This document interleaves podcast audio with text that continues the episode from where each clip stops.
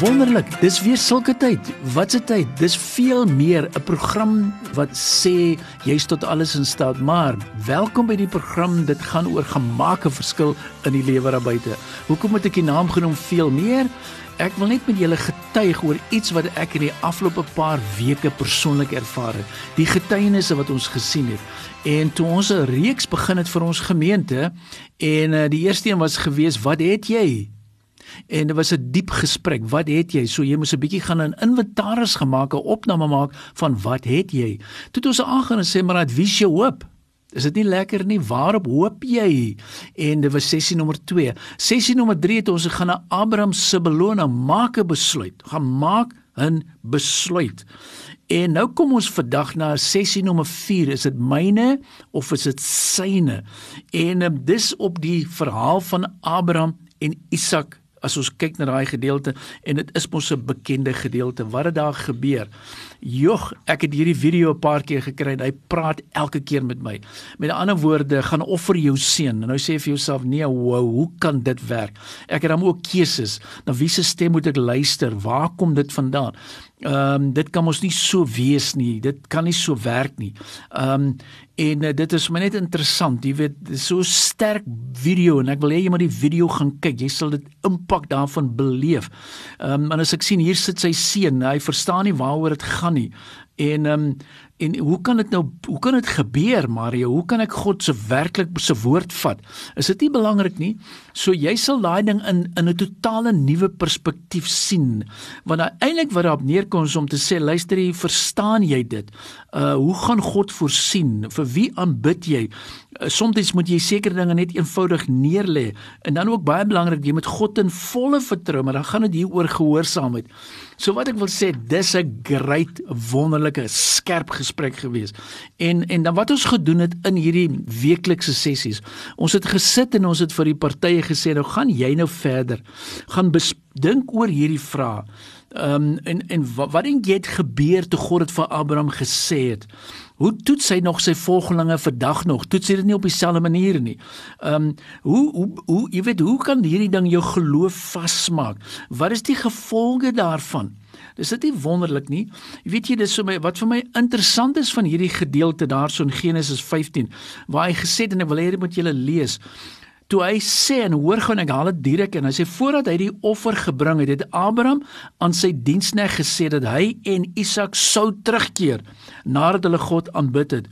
Hoe het Abraham dit geweet? Met ander woorde, hoe het hy dit geweet? Hy sê vir sy mense, hulle sal terugkom. Maar intussen sê God vir hom offer. Iets moet gebeure daarso. Is dit nie interessant nie? En en daarom sê ek God voorsien in ons behoeftes. Dis waar. Maar wat moet ons doen? Waar staan ons? Hoe werk dit? Ja, daar is 'n uitdaging gewees, 'n massive uitdaging. Maar ehm um, en ek weet God se voorsiening se gawes en talente, dit is baie baie waar. As ons net God vertrou met ons werksituasies, met ons gesinsprobleme, met ons gesondheidskwessies, hoekom en dan weet ons iets kan gebeur. En daarom wil ek vir julle sê, jy's in hierdie situasie As jy vasdraai, kom ek gooi 'n paar voorbeelde in. Sê hoorie Mario, ek ken my kinders nie meer nie. Die afgelope 6 maande sit ons of 3 of 4 maande en my ding het verander. As ek sê asseblief skakel. Want ek kom agter ons ouers ken nie ons kinders nie. Ken nie jou kind se temperament. Ken nie jou kind se liefdestaal. Ken nie jou kind se vaardighede, se persoonlikhede. Ken jy ken jy sy giftings? En ons moet verstaan as ons hierdie goed verstaan. Maar dit mag ook wees dat jy sê maar ek wil net weer kyk na my huwelike. Ek wil kyk na my emosionele intelligensie. Asseblief skakel ons. Want wat ek wil sê, juis in hierdie tye toe ons hierdie seminaartjie so aangebied het in weekliks eenmal 'n week, dat jy agtergekom jy gaan getoets word. Jou bereidwilligheid gaan getoets word. Hoe gaan jy daarop reageer? Watter aanpassings gaan jy maak? Hoe gaan God voorsien in jou behoeftes? Hoe gaan dit jou beïnvloed? En dis 'n skerp baie skerp skerp gedeelte en ek weet jy kan maar gaan kyk wat is die situasies en dan wat ons elke keer gedoen het ons het die ouens in klein groepies ingedeel en gesê kom ons gaan praat en weet julle wat ek ervaar het en ek het nou al baie seminare aangebied Maar as hom vir my lekker is ouens vir my sê, weet jy Mario, ek kom agter dis mense wat nog soortgelyke behoeftes het. Ek kom agter dis ander mense wat ook swaar kry. Ek kom ander mense wat ook agterkom iets is nie lekker nie. So wat sê ek vir jou, wat gebeur in jou lewe? Wat waardeer jy? Wat gaan aan in jou lewe. So hier is 'n uiters belangrike gesprek. In die sin is dat 'n ou moet gaan besluit en gaan besin. God is besig om my te toets, maar ook op verskillende areas wat van geestelik Jy weet uh, jy word getoets geestelik. Wat van die mense om my, my familie, my vriende, my medewerkers? Jy word getoets op jou finansies. Daar's verskillende kategorieë. Jy besef jou beleggings, jou kontant.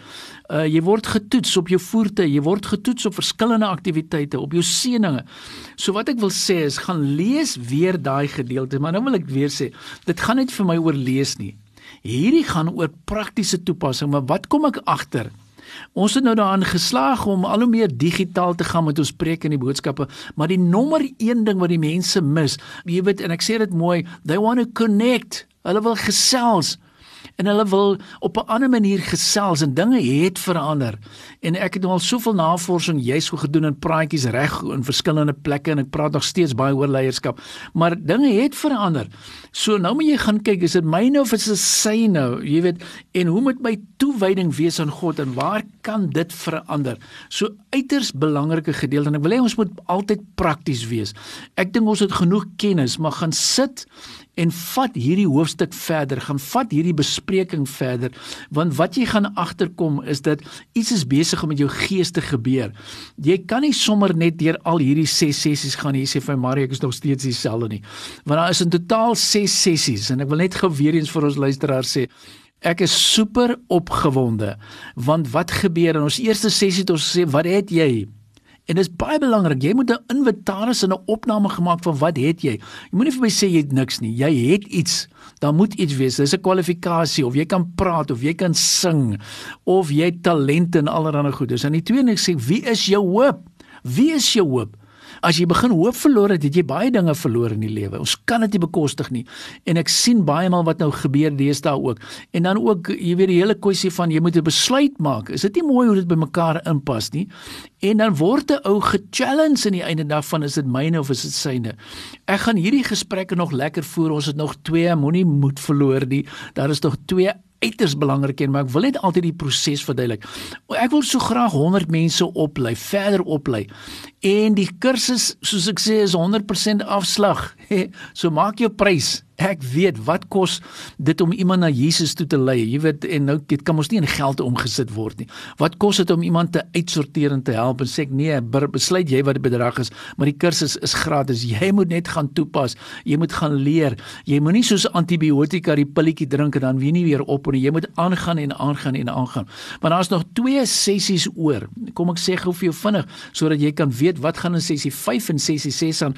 In sessie nommer 5 gaan ons gesels oor jou hart hartsbesluite hoe dit beïnvloed. Dit beïnvloed jou ewigheid.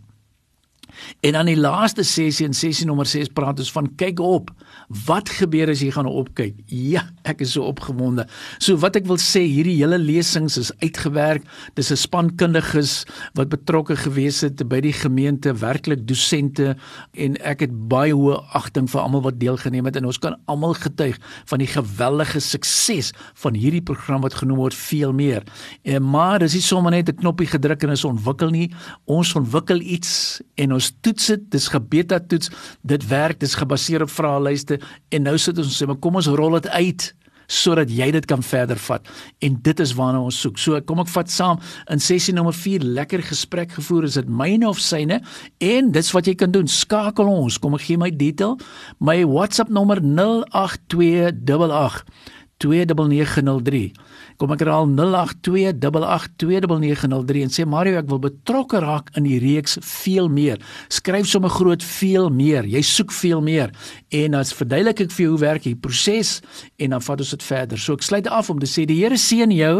Weet dit, jy is 'n gesalfde, jy is spesiaal, jy is okay, jy kan veel meer ervaring ook ervaar. Dis ook vir jou bedoel. Die Here seën jou. Be blessed.